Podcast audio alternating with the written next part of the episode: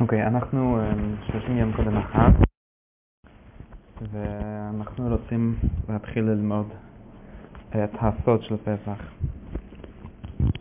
אני עושה את הסדרה הזאת בעברית, כי ביידיש יש מספיק לכולם, ואני גם חושב שכל מי שמספיק רוצה, ש... שהוא... שמבין עברית, ואנחנו יכולים לדבר ככה, כי באופן כללי כל מי שמבין יידיש צריך גם להבין עברית, או לשון הקודש לפחות, ולהפוך זה לא עובד משום מה, אז uh, ככה אז יש יותר מקום לכולם.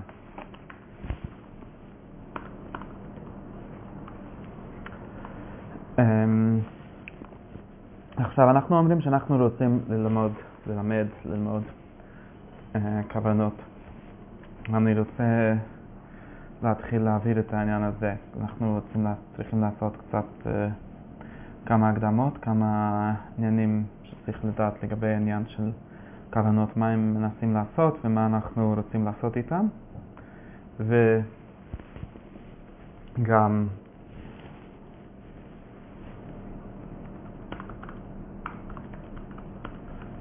אני קצת אעשה קצת הקדמות להגיד איך אני רוצה איך אני רוצה לעשות אותם, איך אני רוצה ללמד אותם ומה אנחנו, קצת מה אנחנו כן נעשה ומה אנחנו לא נעשה בעניין הזה עכשיו.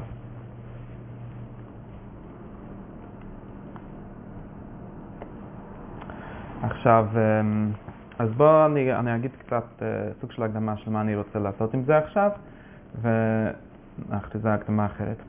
מה שאני רוצה זה ככה, אנחנו לא, יש הרבה בלבול בעניין הזה, גם בעניין של קבלה וכוונות ומה המשמעות שלהם, וגם באופן כללי, כלומר כולם עושים הכנה, אנחנו אומרים שאנחנו רוצים ללמוד לקראת פסח, אז אנחנו שואלים, כמו שכתוב בתורה, מה זאת, כי הלכה מנחה, אנחנו רוצים לדעת מה העניין של זה, ויש כל מיני דרשות וכל מיני מחשבות, כל מיני רעיונות שכל מיני אנשים מכניסים או מוציאים מזה.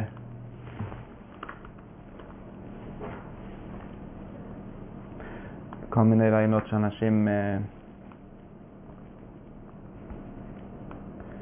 אה, מוצאים מזה. ומה, ואני אני מבין שיש, אני מרגיש שיש הרבה סוג של ערבוב, סוג של בלבול.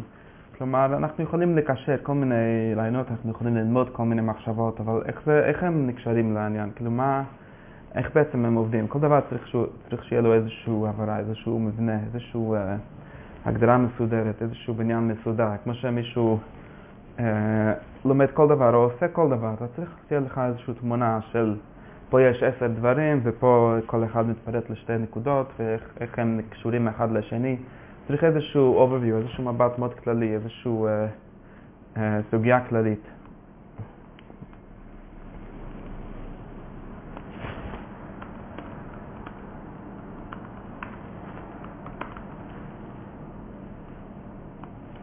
צריך איזושהי סוגיה כללית ואיזשהו... אה,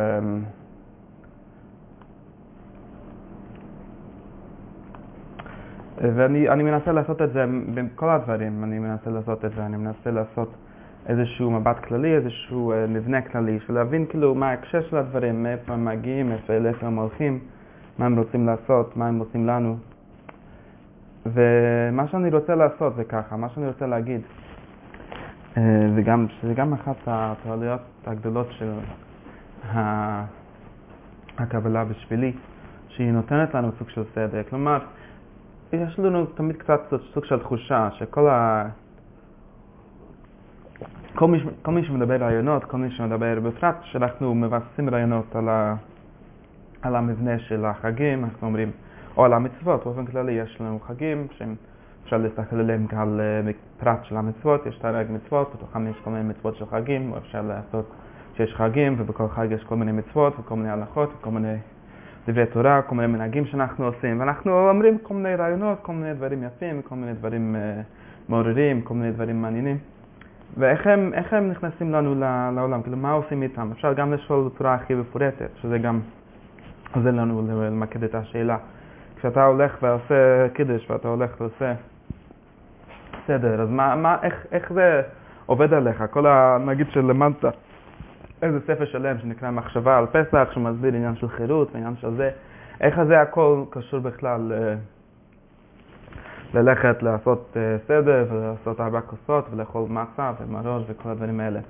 ויש איזשהו אה, חוסר קשר, כאילו אתה יכול להסביר, להסביר שזה עניין וזה, וזה עובד ככה וזה עובד ככה וזה ההלכה של זה, אבל זה אף פעם לא מתקשר למעשה, לחיים שלנו, לעולם שאנחנו פשוט הולכים ויושבים, וצריך איזשהו מבנה, אני צריך איזשהו סיסטם, איזשהו פרדיין uh, שאני יכול להכניס לתוכו גם המעשה וגם ההלכות וגם ה... איזושהי תיאוריה של הכל, כי אחרת אני מרגיש שהכל מתבלבל. והתיאוריה ש...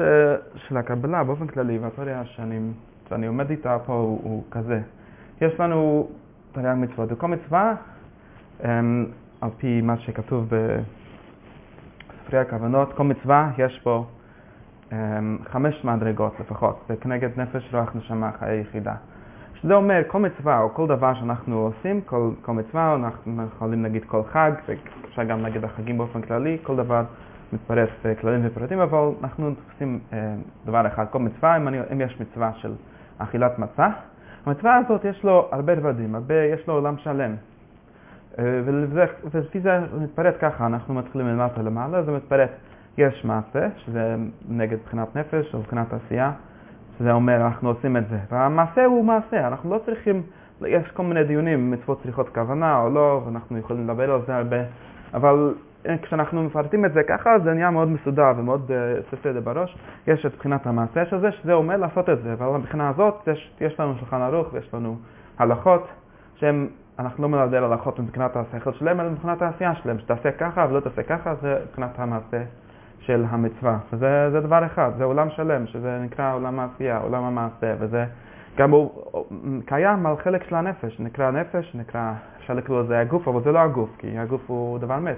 החלק של הנשמה שנקרא נפש, אם נגיד, אפשר להגיד, אם רוצים לתקן את זה, אם רוצים להכניס את הנפש הזה לקדושה, אם אנחנו רוצים לעשות חוויה של אה, טוב במקום הזה, אז אנחנו עושים דברים, זה הכי פשוט. אחרי זה יש עוד מדרגה שנקרא רוח, ש... באופן כללי אנחנו קוראים לזה לרוח דיבור, כמו שהולכים מעשה דיבור. מחשבה, אז פה אנחנו בדיבור. ואני חושב שהדיבור הוא לא לגמרי um, המילה המדויקת לזה, כי יש, הדיבור הוא גם יכול להיות חלק מהעשייה, כמו למשל, כשאנחנו אומרים ההגדה של פסח, אז האמירה הזאת היא פחות דיבור, הוא יותר עשייה, ויש לזה דיון בקבלה בדיוק, אנחנו נראה אם נגיע לזה, אבל כשאני אומר דיבור פה, הכוונה לתורה, רוח זה המדרגה של תורה. כלומר, אה, יש, בתוך המצווה יש עניין של ללמוד את התורה של זה, או לקרוא את התורה, ואפשר לפעמים להסתכל על ברכות המצוות כחלק הזה, אנחנו מדברים על זה, אנחנו מדברים על המצווה, אנחנו מדברים על העניין. זה עוד עניין, זה לא חייב להיות אפילו באותו זמן, יש על פי קבלה שהריק אומר שכל מצווה צריך לעשות בכל הרבדים האלה, אבל לא צריכים לעשות אותם באותו זמן. אה, יש אה, כאלה שאומרים שטוב לפני כל מצווה תקרא את הפסוקים של המצווה, או תלמד את ההלכות של המצווה. שזה לא רק בגלל חלק העשייה של זה, שאני צריך לדעת איך אני אעשה, זה חלק העשייה של הלימוד, אבל פה אנחנו מדברים על לימוד עצמו, אנחנו רוצים שהמצווה תתקיים, שהטוב של המצווה הזאת תתקיים גם בתוך החלק של הנשמה שלנו, החלק שנקרא רוח, שזה החלק שמתייחס לדיבור, אנחנו צריכים לדבר על זה, אם אדם עושה משהו ולא מדבר על זה, אז יש לזה סוג של מת, זה סוג של עשייה שאנחנו לא יכולים לדבר על זה, זה מאוד חשוב שאנחנו מדברים על הדברים. מה שאנחנו עושים עכשיו למשל, זה באופן הכי כללי, זה רק הדיבור של זה. ואחרי זה נעשה את המעשה, זה יכול להיות אותו זמן, זה יכול להיות אותו, אותו דבר, וגם מה שאני אומר, כשאנחנו מפרטים את זה ככה, זה עוזר לנו לבלבל ביניהם. כלומר, זה לא יותר חשוב ללמוד מאשר לעשות, ולא יותר חשוב לעשות מאשר ללמוד, ולא הלימוד הוא רק uh, כדי שנדע איך לעשות, שזה גם חלק מהלימוד, אבל זה אפשר לכלול את החלק שמתייחס למעשה, אבל זה עניין בפני עצמו. אנחנו רוצים שהכוח הדיבור שלנו, הדיבור שלנו, זה שאנחנו מדברים, זה שיש לנו רוח, יש איזושהי, איזושהי אווירה שנוצרת משיחה, השיח שלנו צריך להיות, צריך להיות חלק של המצווה, אז אנחנו משוחחים, מדברים, מלמדים על העניין של המצווה, זה, זה העניין של הרוח, זה, זה החלק של הדיבור, או שאנחנו מדברים, או שאנחנו מברכה, או שאנחנו עושים דרשה על זה, זה פשוט החלק הזה. עכשיו, אלה הם שתי, שתי החלקים שאפשר לקרוא להם החלק הנגלה של זה, וכל שתי הדברים שכולם מבינים, יש פה גם חלקים ש... גם מי שאף פעם לא פתח ספר של פנימיות או קבלה, הוא מבין אותם. כאילו, יש את ההלכה, יש תורה, ומה, תורה ומצוות, ככה קוראים לזה, או בשפה אחרת זה נקרא הו"ה של השם, שתי האותיות האחרונות של השם הוויה, שם מקבילים לכל הסדר הזה תמיד, נפש ורוח, אה, או חגת נאי. זה הכי תחתונות והכי הנגלות, כמו שכתוב, והנגלות לנו ולבנינו, זה החלק הנגלה. עכשיו, כל פעם שאנחנו רוצים להיכנס יותר פנימה, זה נקרא החלק הפנימי של העולם. החלק הפנימי של העולם הוא מה שנשאר לנו במבנה הזה של שלושת, ה... שלושת הרבדים היותר עליונים של, ה... של העולם, שנקרא הנשמה חיה היחידה. וכפי שאנחנו נלמד, אם אנחנו נלמד בפנים בתוך העניין, נראה שזה בעצם על פי התיאור של הקבלה, כל המאבק של העולם, כל המבנה של העולם, כל מה שאנחנו מתקנים את העולם באופן אמיתי, באופן ש, שמכניס לו איזושהי פנימיות, באופן שמכניס לו איזה חיים של, של חוכמה, איזשהו תוכן של שכל, הוא בעצם לבנות את הקומה של השלושת הרבדים היותר עליונים האלה. כמו שאפשר להסתכל, יש לי גוף ויש לי ראש, זה חלק של הראש, ובעצם כמו שאנחנו מדברים על הראש, גם לראש יש גוף. כלומר, אנחנו לא מדברים על, ה, על הראש, אנחנו מדברים על מה שבתוכו, על המוח, על ה mind, על התודעה שבתוכו. והתודעה הזאת, רוב האנשים, זה גם הדבר שאנחנו לומדים פה, רוב האנשים חושבים שזה דבר אחד. כלומר, כל, כל אחד יכול להגיד, החלוקה המשולשת הזאת מוכרת הרבה. יש מחשבה, דיבור, מעשה, או אנחנו אומרים, אנחנו מתחילים מלמטה, יש מעשה, דיבור, מחשבה. מעשה זה מה שאני עושה, דיבור אני מדבר, או שאפשר גם להכניס לדיבור יותר מה שאני מרגיש, כאילו, כמו שאמרנו, סוג של אווירה, סוג של שיח. ויש מחשבה, אני חושב, אני uh, מתכוון, ובאופן כללי המחשבה, בעיני ברוב בני אדם, בתפיסה של רוב בני אדם, היא לא מפורטת. היא דבר אחד, כאילו, אני מכוון, אני, מה, מה אני מכוון בפסח, מה אני חושב, מה אני חושב על זה. זה כל דבר אחד. זה, זה מה שכולם מבינים.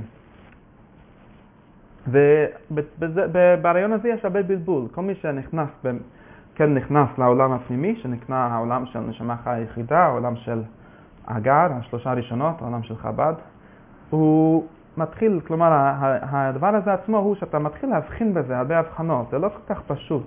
זה לא רק שיש לי אני, מה שאני עושה ויש לי מה שאני מדבר ויש מה שאני חושב. זה נכון באופן הכי כללי, אבל באמת לחשוב, יש הרבה, יש הרבה דרכים לחשוב, לא רק יש הרבה מחשבות לחשוב, יש הרבה דרכים שונות לחשוב, יש הרבה דרכים שונות להשתמש במוח ולב שלך, אנחנו מדברים על הלב במובן הפנימי, לא במובן של רגשות ואווירה, במובן של כוונה פנימית. יש הרבה דרכים לחשוב על זה, יש הרבה, הרבה מובנים של מה זה לחשוב, יש הרבה רמות של האם אני חושב, או האם אני מכוון, האם אני נמצא שם, האם אני רוצה בזה, כל מיני אה, מובנים שונים. וכל, ה, אפשר להסתכל, כל העולם הפנימי, כל מה שאנחנו אומרים שיש אנשים שהם אנשים פנימיים, זה אנשים שאפשר לדבר עליהם, על ההבחנות האלה. אם בן אדם שהוא פנימי, אני יכול לדבר איתו, האם היה לו כוונה מסוג הזה או מהסוג הזה, האם היה לו מדרגה שנקרא בינה או מדרגה שנקרא חוכמה, או חוכמה של הבינה, או כל מיני פרוטים ופרטי פרטים שאפשר לפרט בזה. וזה אחד הדברים שמבלבלים מאוד האנשים שנפגשים בספרי פנימיות או ספרי קבלה או כל מיני ספרים. שבסוף רואים איזה מפה שלמה, אנחנו לפעמים מסתכלים על זה כמשהו מאוד טכני, כאילו, יש מפה שלמה של מחשבות, של עולם, שאנחנו אומרים להם שזה העולם הפנימי, ואז הוא פותח את חיים והוא רואה שזה לא נשמע פנימי בכלל, זה נשמע כאילו טכניקה, זה נשמע אינסטלציה, זה נשמע אה, רשימה שלמה של דברים. אבל זה, זה בגלל שבני בני אדם, העולם הפנימי הוא רק איזה משמש אחד של מחשבות, רעיונות והגיונות וזה, זה הוא מבין שזה מחשבה. אבל מי שרוצה להיכנס לעולם של המחשבה בצורה מדויקת, הוא רוצה להבין את מה שאנחנו קוראים הפנימיות או הנפש חיה היחידה, אז הוא יודע שהדבר, העולם הזה הוא הרבה יותר מדויק, הרבה יותר מפורט, הרבה יותר יש לו תרשימים ורמות ומדרגות ופרטים ופרטי פרטים מאשר העולם החיצוני.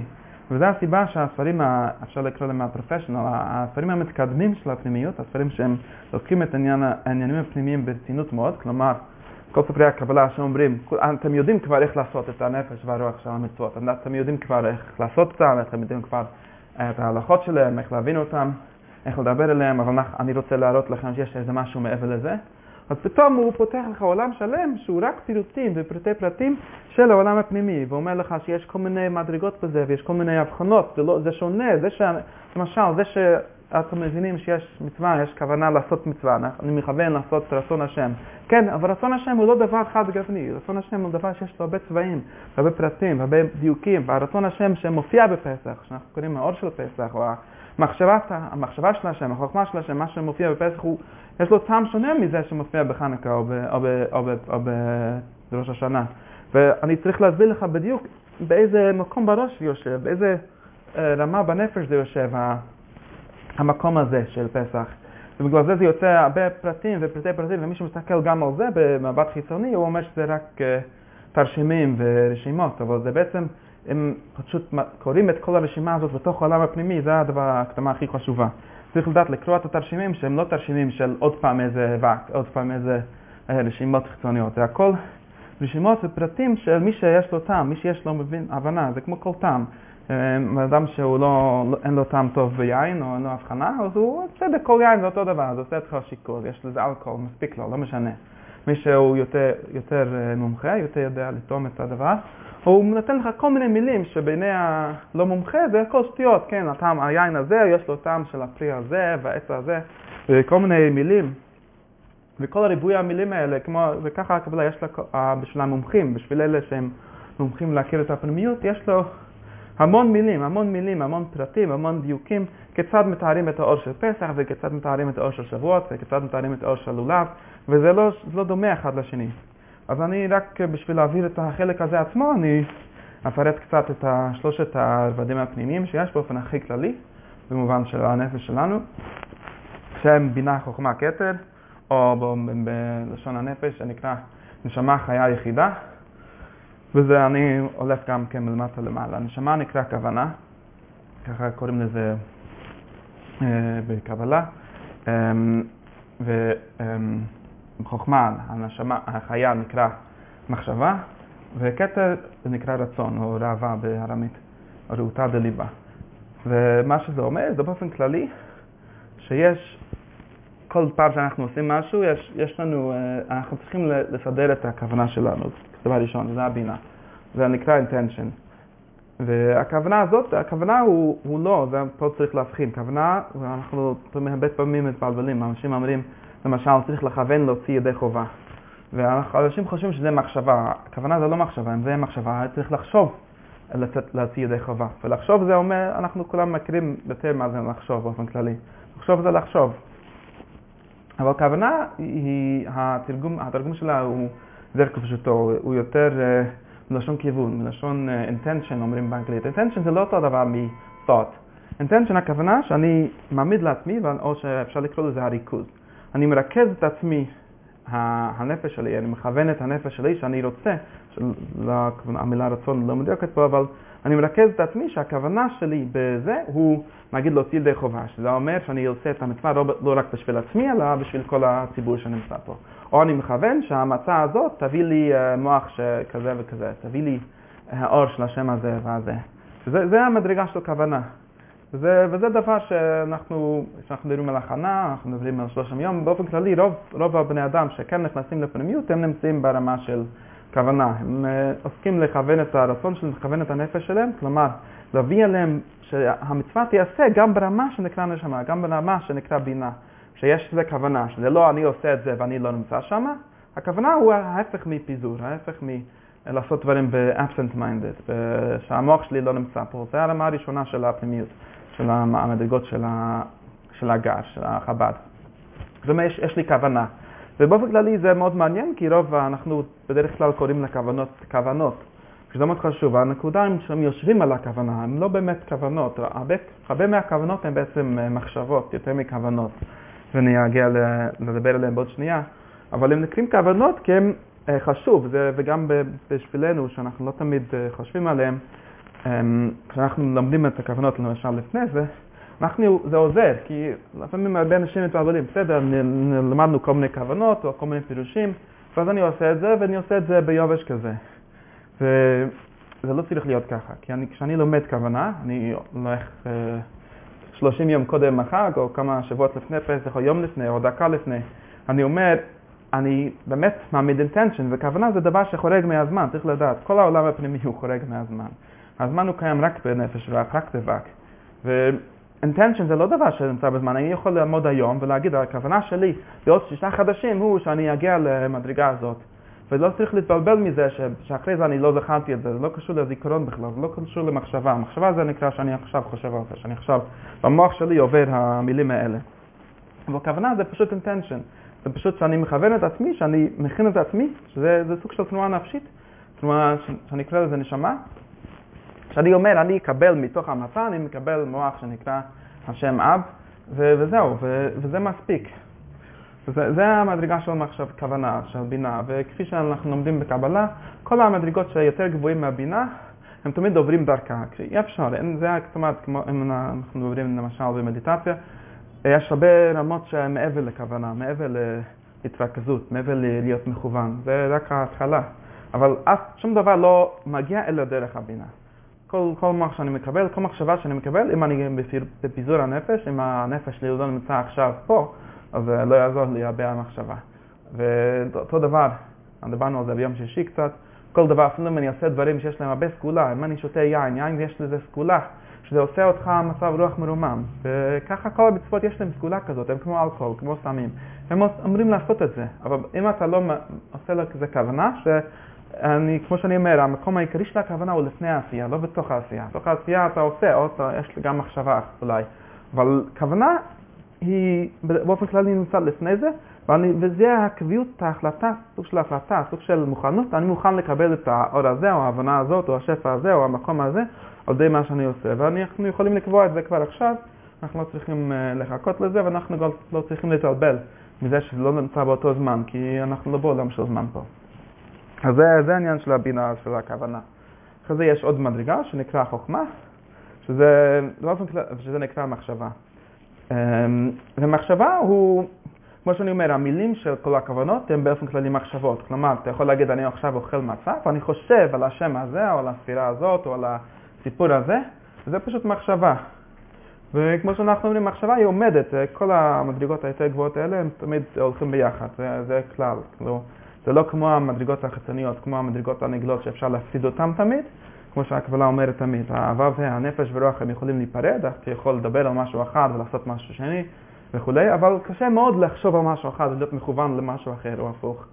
כי תמיד המדרגות היותר עליונות או היותר פנימיות, הרבדים היותר אה, פנימיים, הם הרבה יותר קשרים אחד לשני. אז באופן כללי, אם אתה מכוון למשהו, אתה צריך לחשוב עליו, אבל המחשבה היא לא אותו דבר כמו הכוונה, זה מה שאני רוצה להעביר פה, וזה גם מעבר לזמן. כלומר, אנחנו עכשיו חושבים, וזה גם עניין בפני עצמו, גם אם, אם אתה לא תהיה מכוון, וגם אם שכחת לכוון, וגם אם תשכח לכוון, זה שאתה חושב, כלומר המחשבה זה הכוונה הכי פשוט, לחשוב, think. אז אני חושב עכשיו את המילים האלה, אני חושב עכשיו את המחשבות האלה, אני חושב עכשיו את השמות האלה, וזה נקרא לקיים את המצווה של, של מצה ברמה של מחשבה.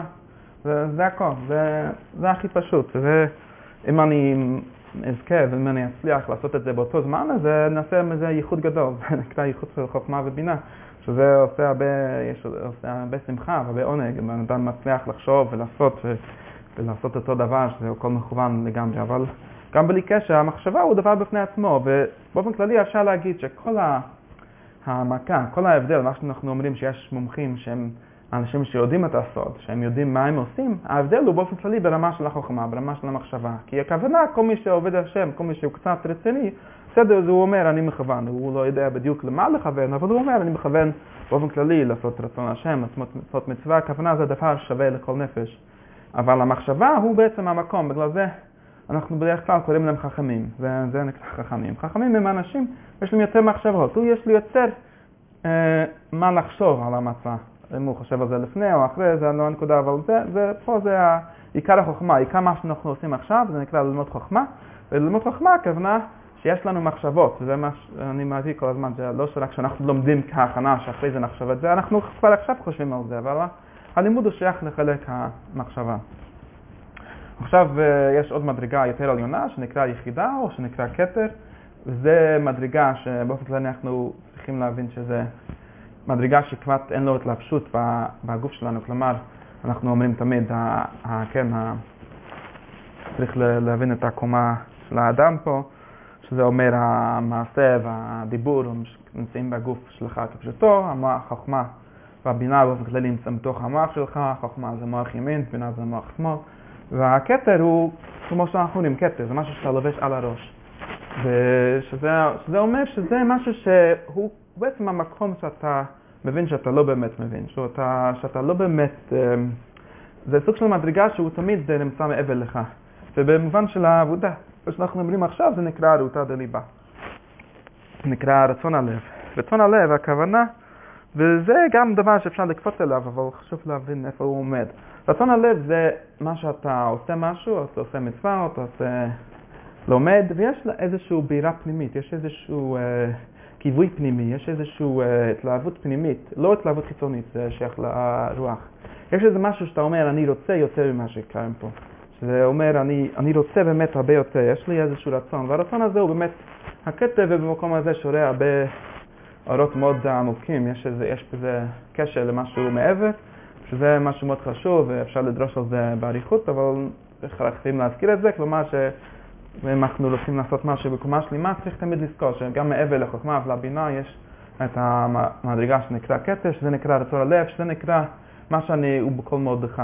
זה, זה נקרא המאוד, שאני אומר, אני עושה די ויותר ואני אעשה מספיק, ויש לי גם מאוד, אני גם רוצה יותר. יש, יש גם איזה רצון, אני רוצה לדבק במקום שהוא מעבר למילים, שהוא מעבר למחשבות. זה, אז זה, זה באופן כללי, הכי כללי ההקדמה של מה הכוונות, איפה הם עומדים ומה הם מנסים לעשות.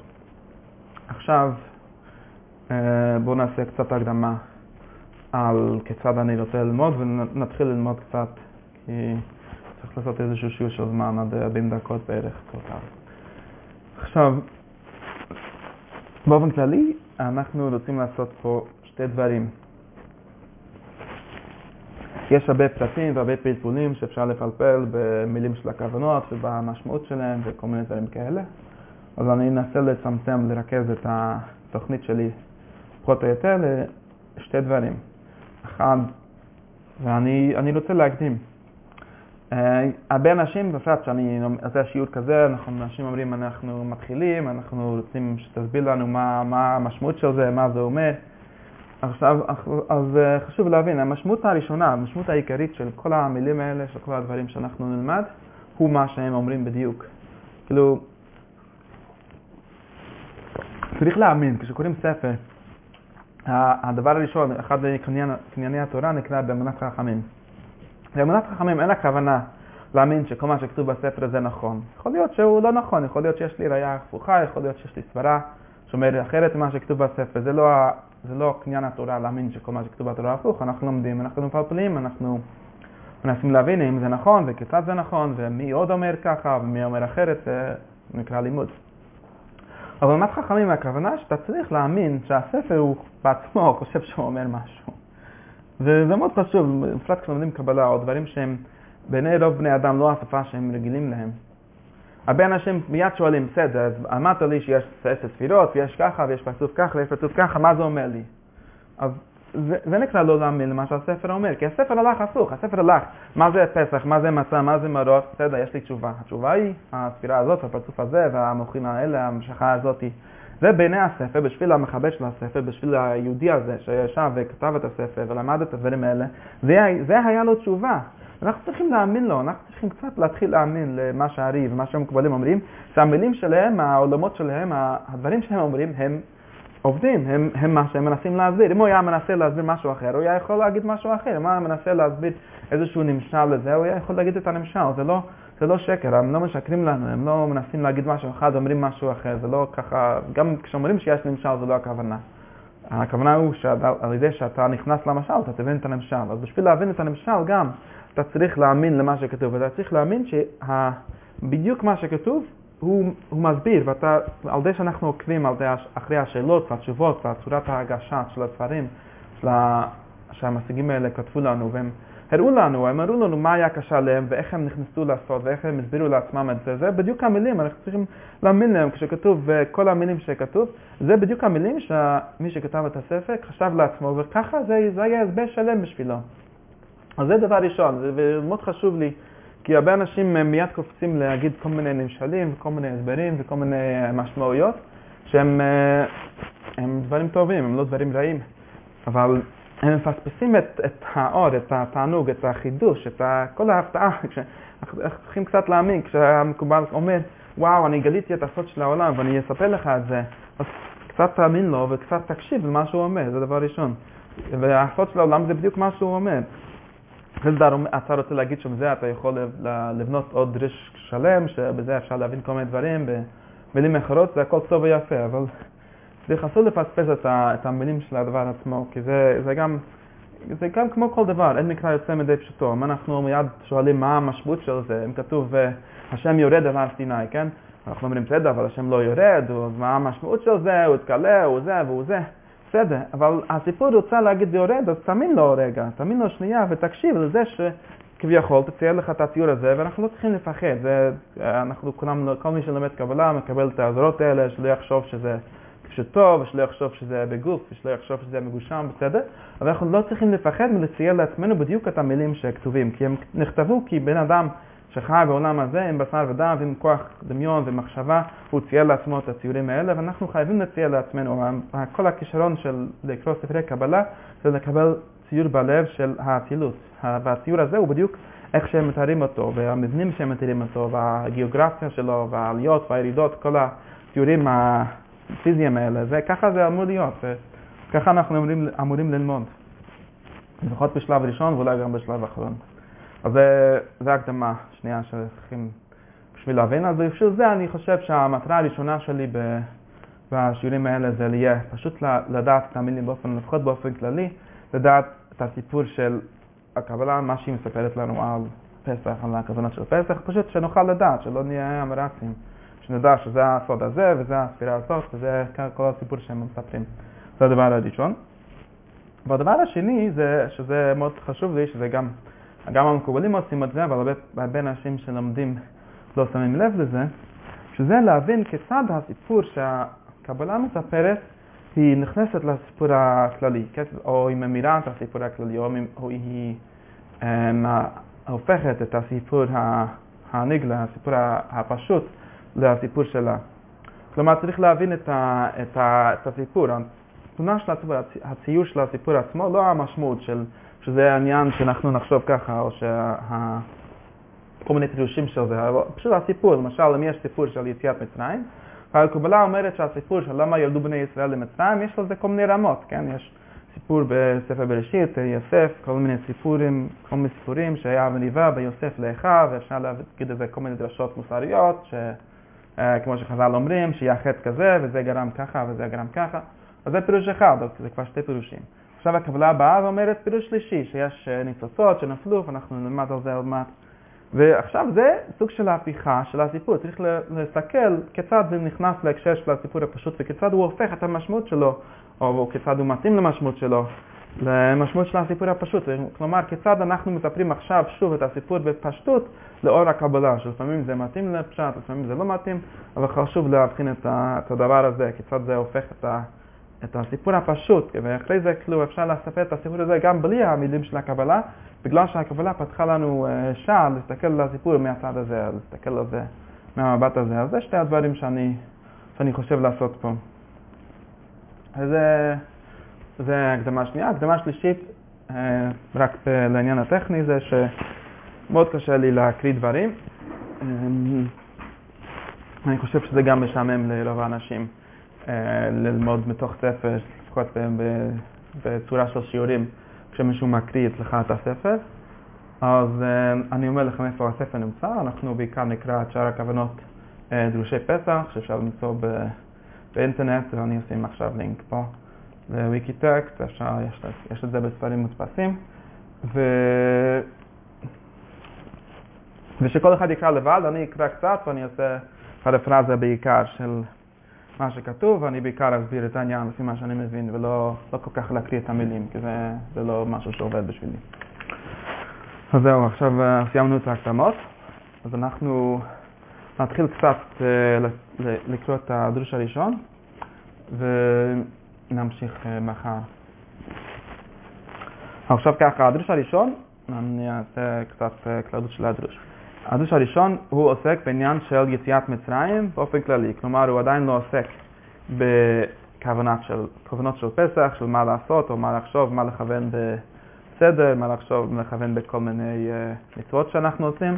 והוא גם עדיין לא עוסק בעצם ומה קרה ביציאת מצרים עצמו, הוא יותר עוסק בעניין של ה... של ה... של ה... החלק הזה, הדריש הזה הוא עוסק בעיקר בעניין של, שאפשר לקרוא לזה עניין של גלות מצרים. כלומר, אנחנו זמנו על זה גם שנה שעברה. כל, כל, כל, כשאנחנו ניגשים לעניין של פסח, אז צריך להבין, יש כמו שתי חלקים שונים. יש את החלק של כל המצוות שאנחנו עושים, ואפשר לדבר על הפנימיות של מה קורה, מה קורה בפסח, ואיך אנחנו מתחברים לזה, איך אנחנו מתייחסים לזה, אנחנו, מה אנחנו מכוונים בזה. אבל לפני זה צריך לדבר על הסיפור עצמו, כלומר, לא על המצווה של סיפור יציאת מצרים, אלא על סיפור יציאת מצרים. צריך להבין אותו, צריך להבין למה הוא קורה, אה, מה הוא, מה הוא עשה לבני אדם, מה, מה המשמעות שלו בתורה. כן, היציאת מצרים הוא הסיפור של התורה, הסיפור של החומש לפחות. אז, אה, וכל התורה, הרבה מצוות של התורה והרבה סיפורים, הרבה עניינים של התורה, מבססים את עצמם על העניין של יציאת מצרים, אז צריך להבין את המשמעות שלו ואת העניין שלו. אז, וזה העניין של, ה, של הדריש הראשון הזה. עוד, אה, עוד דבר על הדריש הזה, זה שצריך לדעת, שזה גם הקדמה כללית לכתבי הארי, שאנחנו לומדים עכשיו, זה שכתבי הארי הם בנויים כמו פאזל במובנים. הוא כמעט אף פעם לא מסיים עניין אחד מההתחלה ועד הסוף בכל פרטיו, שזה גם בגלל שהכתיבה הייתה קשה לכותבים שלה ולא היו הכותבים הכי מסודרים בעולם. וגם כשזה באמת קשה, כי שזה בעצמו אחד התגליות, אחד השבחים של הקבלה, שהיא עושה את כל, כל התורה כולה לעניין אחד. היא מקשרת בין קין והבל ומשה ורות ויתרו ודוד ושאול, ואתה לא יכול להתחיל מכל מקום. אז כל פעם אנחנו מתחילים באיזשהו מקום אחד, ועד איפה שהמוח שלנו לוקח אותנו, אנחנו יכולים להסביר בפעם אחת. אבל באמת, בשביל להבין באמת, אז צריך כאילו לתפוס את כל הפאזל בלב, כל הציור, ב... וגם צריך להבין את כל הציור של האצילות. כלומר, יש, יש, שתי, יש שתי פאזלים שצריך ל... ל... לכלול בלב כל פעם שאנחנו לומדים כוונות. אחד זה הסיפור של, ה... הסיפור של הקבלה בעצמה, כלומר, שזה באופן עקרוני הסוגיה של ספר עץ חיים, שהוא עובר על סדר האצילות, הוא מתחילה ועד הסוף מסביר איך, איך האלוהות עובדת, איך האלוהים... איך האור של אלוהים אה, עובד דרך כל העולמות, איך בדיוק זה עובד, איך נבנה העולם, כל הדברים האלה. ודבר שני זה איך זה, איך זה מפרש את התורה, ובשביל זה צריך לזכור את כל התורה כולה, כל הסיפור של התנ"ך לפחות, וכיצד כל דבר יש לו פירוש וכל אחד יש לו תרגום של אחד מהדברים של עץ חיים. אז בשביל לתפוס את כל הדבר הזה בפעם, לבד, בפעם אחת, זה כמעט בלתי אפשרי אה, לדבר על זה בפעם אחת. אז כל פעם האריזל מתרכז מנקודה אחת, הוא מתחיל והרבה פעמים עובר מציין למקומות אחרים. אה, תסתכל שם, תראה שהרחבתי את החלק הזה, תסתכל שם, ולמשל אנחנו קוראים מהמפרשים של הארי, אמ, כל אחד הוא טוב, ש... מי שמפרש טוב של הארי, מה שהוא עושה זה לזכור טוב את כל הפאזל של כל המקומות האחרים, ומזה אפשר גם לבנות משמעויות, וזה גם חוזר למה שאני אמרתי, מי שלא מכיר טוב את הציור בלב של כל הפאזל, של כל התמונה הכללית, הוא מתחיל להגיד פירושים, שזה הרבה אנשים שאומרים מחשבות ולא לא לומדים את הקבלה במקור, אין להם את הבהירות הזאת, אין להם את התמונה אחת, שזה של כל העולם. זה, זה, זה, זה נראה שיש להם כל מיני דרכים וטריקים כיצד לקשר כל מיני דברים ולהגיד כל מיני גזירה שווה וקל וחומר וכל מיני פירושים, אבל אין להם איזושהי בהירות אה, של כל הסיפור, זה כיצד יש איזה סיפור אחד שהוא מפרט למיליון פרטים וכיצד כולם עובדים ביחד. אז אנחנו נלמד אה, את הדרוש איכשהו בשאר הכוונות, ועכשיו שאר הכוונות הוא הספר שהוא, המטרה שלו הוא בשביל שבני אדם שמקיימים מצוות יוכלו לקיים אותם עם כוונות של הארי. כלומר, הם לא פירושים על התורה, הם לא פה, העיקרה, המטרה העיקרית שלו הם לא לפרש את העניין של יציאת מצרים. בגלל זה גם הדרוש הזה שעוסק להסביר את הסיפור של יציאת מצרים, הוא בעצם לא מסיים את הזה שלו, והרב בעצמו מציין למקום אחר, שזה בספר שלו על התורה בעצם, בשאר הפסוקים, ששם הוא כן הסביר הרבה יותר באריכות, ומי שרוצה באמת להבין את הפירוש של הארי, של הארי לסיפור יציאת מצרים, ולמה הוא קרא ומה הוא עושה, הוא צריך להסתכל שם בשאר הפסוקים בספר, ש... בספר שמות, בתחילת ספר שמות, שם הוא מסביר את זה, אבל פה הוא יותר מסביר את החלק ש... ששייך לעניין של העבודה שלנו, ששייך לעניין של הפסח שלנו, כלומר להסביר מה הפסח עשה בצורה מרוכזת, אה, מה הוא השפיע בספירות וכיצד הוא השפיע בעולמות, ושזה אנחנו משחזרים בכל שנה בפסח, כי זה הכלל הידוע של הארי, שכתוב פרשי פורים וכל מיני מקומות, וזה מובן שזה הולך על כל החגים וכל הדברים, שאנחנו לא רק אה, עושים זכר ליציאת מצרים, או במילים אחרות, הזכר שאנחנו עושים, הכוונה בפנימיות זה לשחזר, כלומר לשחזר, אה, או צריך להעמיק בזה עוד, אבל זה לא המקום של זה, אבל באופן כללי לשחזר את אותו הערה, את אותו חידוש שנעשה בעולמות, אה, בזמן של יציאת מצרים, לעשות סוג של אותו דבר בנפש שלנו, בעבודה שלנו עכשיו. אז, אז בשביל להבין את זה, אז צריך לשאול קודם כל מה באמת היה, מה זה מצרים, ומה זה, למה אנחנו בגלות מצרים, ולמה יש גאולת מצרים, ומה גאולת מצרים עושה. ואחרי זה, ככה אני, אנחנו נוכל להמשיך ולדעת כיצד לשחזר את זה בפסח שלנו.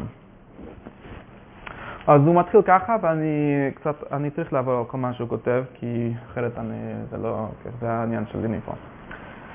הוא מתחיל ככה, שיש, קודם כל צריך להבין, זה, וזה חלק ששייך לחלק השני, של להבין את ההרכבה של סיפור התורה לפי הקבלה. שהסיפור של יציאת מצרים הוא לא, ה, לא פה זה מתחיל הסיפור, זה מאוד חשוב בשביל הקבלה וגם בעצם בשביל להבין את התורה בעצמה. כלומר, יש פה שאלה, שאלה גדולה שהוא מביא, שהוא מביא באמצע הדרש, שכבר חז"ל שאלו, והזוהר דיבר על זה, ובדברי הראשונים יש הרבה שמדברים על זה, שזה מה החטא חטאו ישראל בשביל להיכנס לגלות מצרים. זה היה גלות גדולה, זה היה עונש גדול, ואנחנו צריכים, והתורה בכלל לא מספרת את זה ככה, זה אני, אני אומר את זה הרבה יותר טוב.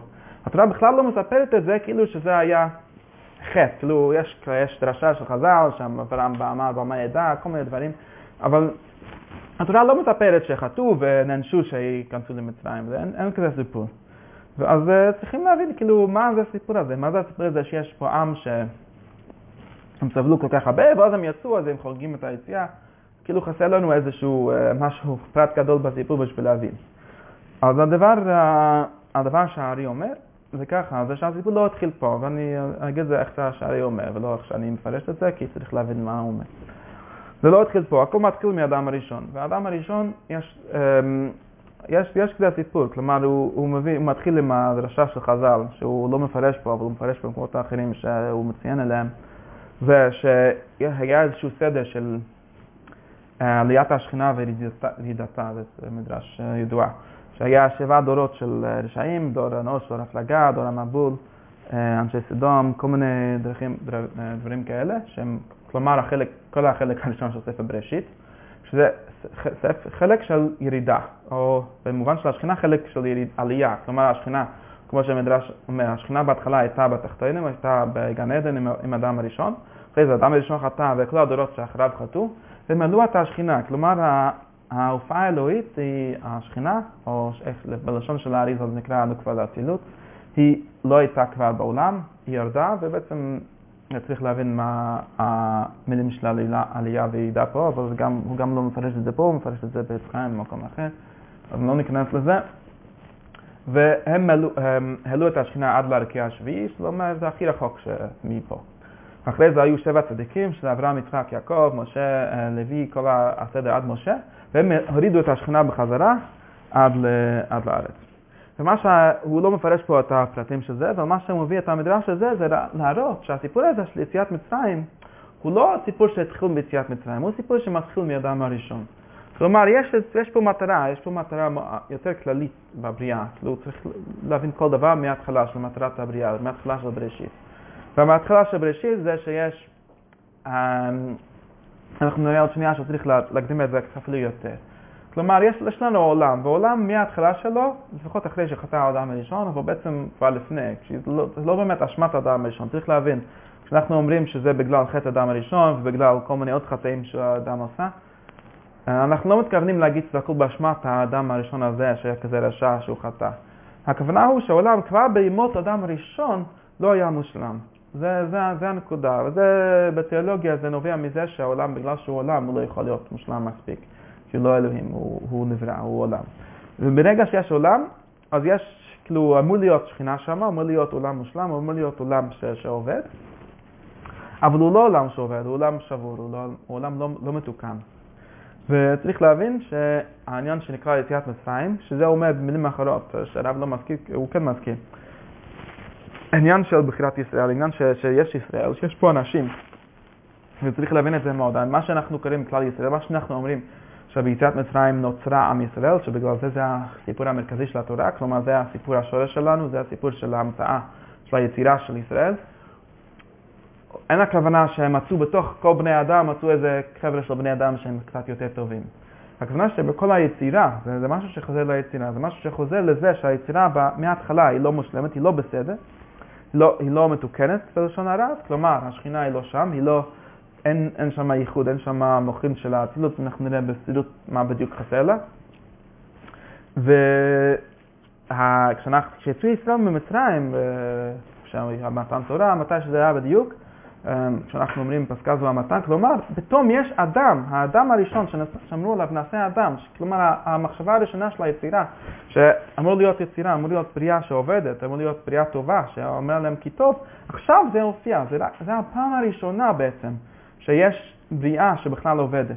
כלומר, זה לא סיפור שכאילו שיש בריאה שעובדת, ואנחנו, יש כל מיני בעיות, וברוך השם ניצלנו מהבעיה של מצרים, אלא זה בריאה שלא עובדת, ופעם ראשונה מוצאה משהו שיש אדם שעובד, שהוא מתוקן. וזה שינוי המבט שהאריזל, שיכול להיות שזה באמת פשט ה... שיכול להיות שזה פשט המקרא, אבל זה המבט של הקבלה באופן כללי, כשבעצם זה בעצם מה שהוא מתכוון שומש לידי התשובה על החטא, ולא מצא איזה חטא של אדם הראשון, כי אפשר שוב לשאול מה, מה אנחנו אשמים שאדם הראשון חטא. מה שהוא מתכוון שיש פה משהו יותר שורשי מחטא, יש פה איזשהו שבר יסודי של העולם, יש פה משהו שהעולם עצמו, עצמו הוא לא מתוקן, הוא לא מסודר, הוא לא עובד, וזה התפתח בכל החטאים, כלומר אפשר בעצם להגיד בגלל שהעולם לא היה מתוקן, בגלל זה חטא האדם הראשון, ובגלל זה קרו כל הדברים האלה של דור המבול ודור הפלגה, שאפשר להסתכל עליהם אה, באופן אחר, כאילו ניסיונות של לעשות את העולם שיעבוד, וכל הדרכים שאפשר להיכשל בזה. ואז לאט לאט אנחנו ביציאת מצרים עושים את הדבר הגדול הזה, שזה להביא, אה, להביא מציאות של העולם שעובד, זה, זה, הנקודה. והדריש שהרב מצא זה ככה, זה שיש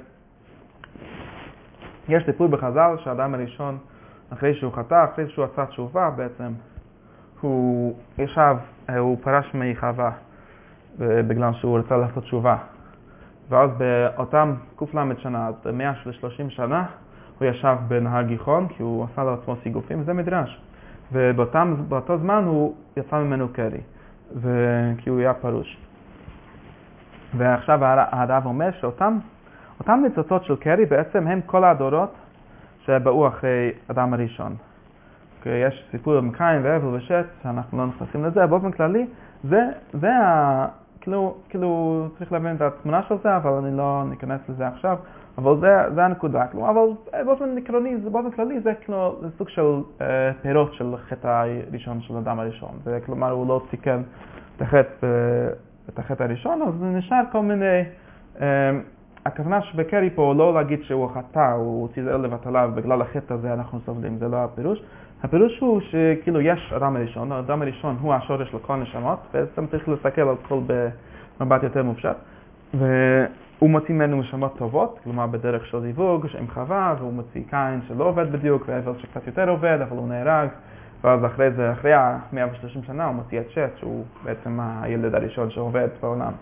אבל עד שהוא מוציא את שט, כלומר שזה כאילו משה במשל שלנו, כפי שמי שילמד את הדרישה אחרי יראה, אבל את שט, אז יש לנו, יש לו כאילו תולדות שלא מצליחות, זה, זה המכוון של הניצוצות כאלה, עוזר לבטלה פה. כלומר יש כל מיני תולדות, אנחנו מנסים כל מיני ניסיונות, כל מיני ניסויים של נשמות, כל מיני הווה מינס, כל מיני נשמות של האדם הראשון שיוצאים מהאדם הראשון, שיוצאים כלומר מהפוטנציאל הזה של האדם. האדם הראשון הוא נקרא פה השורש של כל. כלומר, יש פוטנציאל, יש אפשרות לכל הנשמות של כל ימות עולם שהם צריכים לעבוד. והאדם הראשון הוא כולל כולם, והוא מנסה לעשות, לבנות סיווג, לבנות ילדים, לבנות תולדות מזה, ובגלל החטא, אז חלק גדול מהזמן הוא מוציא נשמות לא, לא גמורות, לא בסדר. כלומר, העולם הוא עדיין במצב כזה שהוא כולו קרי, הוא כולו אה, נשמות כאילו שיוצאים, אבל הם לא נכנסים, אין להם איפה ללכת, הם כאלה חצי, חצי בני אדם. וזה, והם בעצמם הנשמות של דור המבול, שאני קורא להם פעול בגלגול בדור המבול, ובגלל זה הדור המבול, כולם יודעים שהיו חוטאים בעניין של השחטת זרע, כי זה לא, שוב פעם, זה לא באמת אשמה שלהם, זה יותר שהם הם אנשים שנולדו מזה, אז זה, זה מה שהם. ואחרי זה, אמ, בגלל זה כתוב, "ורא- וירא השם כי רבה רעת האדם בארץ, ואנחנו יודעים מהפסוקים של ארץ בכור יהודה, שנקרא רע בעיני השם, שרע נקרא מי שמוציא זרע. ואני אני- ואני- אני אדגיש את זה עוד פעם, רע פה הכוונה, וזה גם חשוב להבין את כל העניין של זרע לבטלה, אבל אנחנו לא נכנסים לזה באריכות. אבל כלומר, יש רשע ויש רע. רשע זה כמו שאנחנו אומרים, יש אשמה, אתה אשם, אתה עשית משהו רע, אתה בן אדם שבחרת ברע. אה, זה נקרא רשע. ויש דבר שהוא לא נקרא רשע, לא כתוב שער היה רשע, כתוב שהוא היה רע. ורע, הכוונה, שבעצם זה פחות מרשע, כלומר, הוא פחות טוב, גם פחות טוב, וגם מצד שני יותר, יש לו בעיה יותר עמוקה, כי הוא, הבעיה שלו היא שורשית, כלומר, כתוב, וירא אלוהים כי טוב, או כתוב, אפשר להביא עוד טוב, כתוב לא, לא טוב היות האדם לבדו, ויש איזשהו טוב של העולם, שהוא טוב, הכוונה שיש אה, עולם שעובד, כמו, כמו, כמו, הדימוי של זיווג, יש איש ואישה ויש להם ילדים, זה כל עולם מסודר, או שיש בורא ונברא והם עובדים ביחד, זה אותו דבר. ובורא ונברא, ו... ורע, הכוונה שיש בורא והנברא הוא אפס לא מדבר איתו, אין, אין פה תקשורת, אין פה, אין מזה ילד שעובד, יש בזה, יש מזה ניצוצות קרי, יש פה הרבה תענוג, יש הרבה- עוצמות, כמו, כמו העניין של קרי, יש בזה הרבה תשוקה, יש בזה הרבה תאווה, הרבה, הרבה רצון, הרבה, הרבה דברים טובים, אבל אין בו איזשהו מבנה, אין, אין משהו שאפשר לבנות על זה, על זה עולם. וזה נקרא רע בעיני השם, זה לא נקרא רשע, זה נקרא רע. ועל זה כתוב, ירא השם כי רבה רעת האדם בארץ. ורעת האדם אומר הרי מי זה האדם? אדם הראשון, ככה אנחנו צריכים ללמוד ממך לקרוא פסוקים כשכתוב האדם. רבה רעת האדם בארץ. זה הגלגול הראשון של בעצם של סיפור המבול, של סיפור יציאת מצרים. היה האדם, והוא, היה לו רע רב, היה הרבה רע באדם. ו... אז בגלל זה אומר השם, ממחה את האדם, זה הסיפור של דור. דור המבול, ואחרי זה אותם האנשים, עוד פעם, הם נתגלגלו במה שנקרא דור הפלגה, וזה אותם אנשים, זה מה שצריך להבין פה. כלומר, יש, יש פה אותו סיפור, אנחנו צריכים, מנסים לבנות עולם, לבנות ציוויליזציה שיש בה יחסים אה, מתוקנים של בורא ונברא, שיש בה יחסים מתוקנים בין אדם לחברו, שיש בה יחסים מתוקנים בין אדם לעצמו, אה, כל הדברים האלה, ו, וזה לא פשוט, זה לא פשוט, כי בגלל חטא אדם הראשון, כלומר, בגלל זה שהעולם, בזה שהוא נברא, הוא, הוא חייב להיות חסר, וזה, זה, בשביל לעשות אותו עולם שאפשר להגיד עוד לך שהוא טוב, זה עובר הרבה, הרבה, הרבה מאבקים, כלומר, המצב הדיפולט של העולם, המצב, הברירת מחדל של העולם הוא לא טוב, בגלל זה, זה בעצם התשובה של שאלת הרוע, של שאלת ה... למה קרה, למה קראת יציאת מצרים? כי, כי גלות הוא המצב הדיפולט של העולם, גלות היא ברירת המחדל של העולם, העולם התחיל מגלות. הנשמות לפני שהיו, נשמות של גאולה, לפני שהיו עם ישראל הם היו בגלות. זה ככה, כל אחד נולד ככה, זה, אנחנו מכירים מאוד טוב את המציאות הזאת, לא צריך כל כך להסביר אותו. וככה הם היו דור הפלגה, ובגלל זה כתוב, ירד השם לראות את העיר ואת המגדל שבנו מי? בני האדם, הם עוד פעם בני של האדם, והם גם בני האדם, לא בני האדם וחווה. כלומר, הם סוג של טיפות כאלה שיש בהם רק אדם בלי חווה. ועוד פעם הם עשו חטא אחר, שזה נקרא כפירה בעיקר, ומי שמסתכל בדרוש של שאר הפסוקים בספר שמות, יבין את, בדיוק את uh, כל הרמות של העבירות האלה. אבל זה מה שחשוב לנו להבין, שזה שדור הפלגה עשו בעיה אחת, ודור המבול עשו בעיה שלישית, ואנשי סדום עשו בעיה אחרת, ואחרי זה, כפי שהארי מסביר בדרוש של שאר הפסוקים שם, בעם ישראל תיקנו את כל זה, והם עברו את כל הבעיות של המבול וההפלגה, והם תיקנו את זה, והם עשו שבת ומראה ודינים, כאילו הם עשו את כל המצוות שהם נגד החטאים האלה של הדורות הראשונים. אז הכל אותו סיפור, כלומר זה הכל אותו סיפור, כמו שהארי אומר, הארי לזה סיפור, זה אותו סיפור שאתם עדיין הניצוצו של קרי של אדם הראשון, שלא נתקנו, זה, זה המילים של האריזה. ועכשיו עכשיו אני, אני כאן אקרא, אני קראתי את זה שנה שעברה, ואני אקרא את הקטע הזה, כי זה הקטע שמתאר בצורה הכי ציורית את, ה, את הדימוי של האריזה, איך הוא מסתכל פה על הסיפור של הגלות מצרים. וצריך שתדע, קניין הנשמות הם קניין הזהב הנוצר בבטן האדמה. הנשמות אפשר להסתכל עליהן כמו הזהב שאנחנו מוצאים מהאדמה, מוצאים מה... איפה שחופרים את הזהב. וכשמוצאים אותו הוא מלא טינוף ושיגים, דבר שלא ישוער ולא תואר, לא תואר זהב לו ולא הדר. וכשאנחנו מוצאים זהב ואיפה שמוצאים את הזהב, זה לא רק שהוא יוצא מלוכלך ומטונף, הוא אפילו לא ניכר שהוא זהב. כאילו מי שלא מבין מה, מה יש שם, הוא מסתכל והוא רואה שזה סתם, סתם עפר, סתם uh, טינוף. ומה צריך לעשות? אז עד יתחכם הסורף. יש פה חוכמה, יש פה איזה, מה שנקרא צירוף. זו המילה שאנחנו כולם uh, מכירים את המילה של צירוף, זה גם מילה של הפסוק, שחז"ל כבר uh, דרשו פה. זה מגיע מהדימוי הזה של הצורף. הצורף הוא צריך להגות סיגים מכסף, הוא צריך להוציא את הסיגים מהכסף או מהזהב פעם אחר פעם, זיכוך אחר זיכוך, לא ריזה כריזה, יש הרבה סוגים, כאילו פעם אתה נותן את זה במים, פעם אתה נותן את זה באש, פעם אתה נותן את זה בכל מיני צורות אחרות שמזככים את החומר שמוציאים מהאדמה, עד שניכר יותר, עד, עד, עד שכל הסיגים נפרדים מן הזהב, ובכל זיכוך הוא מזכך לאט לאט, עד שכל הסיגים נפרדים מן הזהב, ואחר כך ניכר אותו זהב.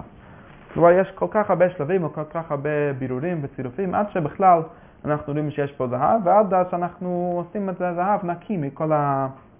וככה עם הנשמות, זה, זה משהו מאוד uh, חשוב להבין. כל הנשמות, לא רק הנשמות, ש...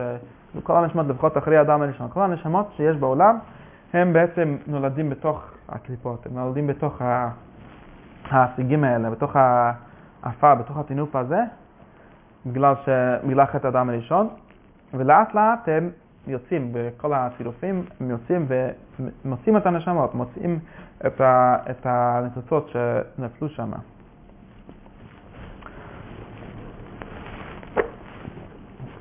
עכשיו יש, יש עוד דבר, שזה שהנשמות האלה, שהן ניצוצות של קרי, הן נשמות יותר חשובות מהנשמות שהיו יוצאים בזיווג. אנחנו הזמנו את זה בשנה שעברה בשיעורים שלנו. ויש לזה גם הסבר בדיוק לפי המילים של אריזלה, אבל הוא לא מזכיר את זה פה. ובכל מקרה, זה, זה העניין שהאריזל לא מסביר, זה הטעם, ובגלל זה יש, היה גזירה של פרול, כל הבני לא דיירות השלכיו, שזה ממש כמו דור המבול, כלומר זרקו אותם על המים, שזה אותה בעיה של דור המבול, וגם היה אותו דבר של דור הפלגה, שהם בנו בניינים, והבניינים נפלו, ומרדו את חייהם בחומר ולבנים, שזה הכל מראה שהסיפור של יציאת מצרים הוא לא סיפור חדש, לא, לא מתחיל שם, הוא מתחיל ב... כל הסיפור של בראשית, הוא מתחיל מדור המבול, דור הפלגה ואנשי סדום וכולי. עכשיו, עכשיו הוא, זה, זה הסיפור הכללי, ועוד פעם, מי שרוצה להבין יותר העניין של הגלגולים פה, העניין של הנשמות, הוא צריך לעיין בדרישה האחרת, שזה לא העניין שלנו. מה שאנחנו כן אה, יותר רוצים לדעת פה זה מה בעצם קורה ב... ב... באצילות, מה בעצם קורה בספירות. בדיוק ביציאת מצרים. כלומר, מה, מה, מה היה הבעיה ומה היה התשובה, מה היה התיקון, כיצד נוצרה הגאולה, ואותו דבר אנחנו נעשה כל שנה, ואת זה אנחנו, אנחנו נפסיק פה ונמשיך בזה מחר. אנחנו נעשה סוג של סיכום של מה, מה היה החטא, מה כאילו היה הפגם, מה, מה בדיוק, זה מה שחשוב לנו להבין. כל מה שאני אמרתי עד עכשיו זה באופן הכי כללי, העולם לא מתוקן, העולם ככה, העולם ככה, צריך לעשות עולם בסדר. אני נתתי לזה איזשהו מילים של ניגלה שאפשר להבין גם, אבל כל היתרון של הקבלה זה כמו שאמרנו ברמה של המחשבה. אנחנו צריכים להבין, בסדר, אתה אומר שלא היו יחסים תקינים בין העולם לאלוהים, בסדר. אבל מה, מה זה בדיוק? מה זה בדיוק? כיצד בדיוק? כלומר, איזה... אם אנחנו נגיד שאלוהים יש לו גוף, יש לו, יש ציור בדיוק, יש ספירות, יש, יש מלאכה שלמה, איפה בדיוק היה הפגם? מה בדיוק היה הפגם? ולמה בדיוק היה איך כיצד בדיוק צריך לעשות את התיקון, מה בדיוק זה גרם. זה, זה כל הלימוד שאנחנו נלמד, ואנחנו נראה איפה בדיוק היה הבעיה של יציאת מצרים. כי יש הרבה בעיות, כן, זה מה שאנחנו אומרים, יש הרבה גלויות גם. יש גלות מצרים, גלות בבל, וכולם באופן כללי, זה כל הבעיות באופן כללי, כמו שיש דור המבול, הפלגה, ויש אנשי סדום, ויש שואה, ויש כל, כל הדברים הם סיפור אחד. אבל זה לא מספיק, זה, זה, לא, זה לא מסביר הרבה. זה גם לא נותן לנו כלים כיצד לפעול בזה בדיוק. בשביל להבין בדיוק צריך לדעת בדיוק מה קרה בדיוק ביציאת מצרים ולמה בדיוק מצרים, למה לא בבל, מה ההבדל בין מצרים לבעיות אחרות, לגלויות אחרות, מה בדיוק הפגם שהיה מצרים ומה בדיוק הדבר שאנחנו עושים בפסח, זו חזרה ושחזור של אותו סיפור שהיה במצרים מהצד הפנימי שלו ומה אנחנו עושים ואת זה אנחנו אה, נראה בפעם הבאה.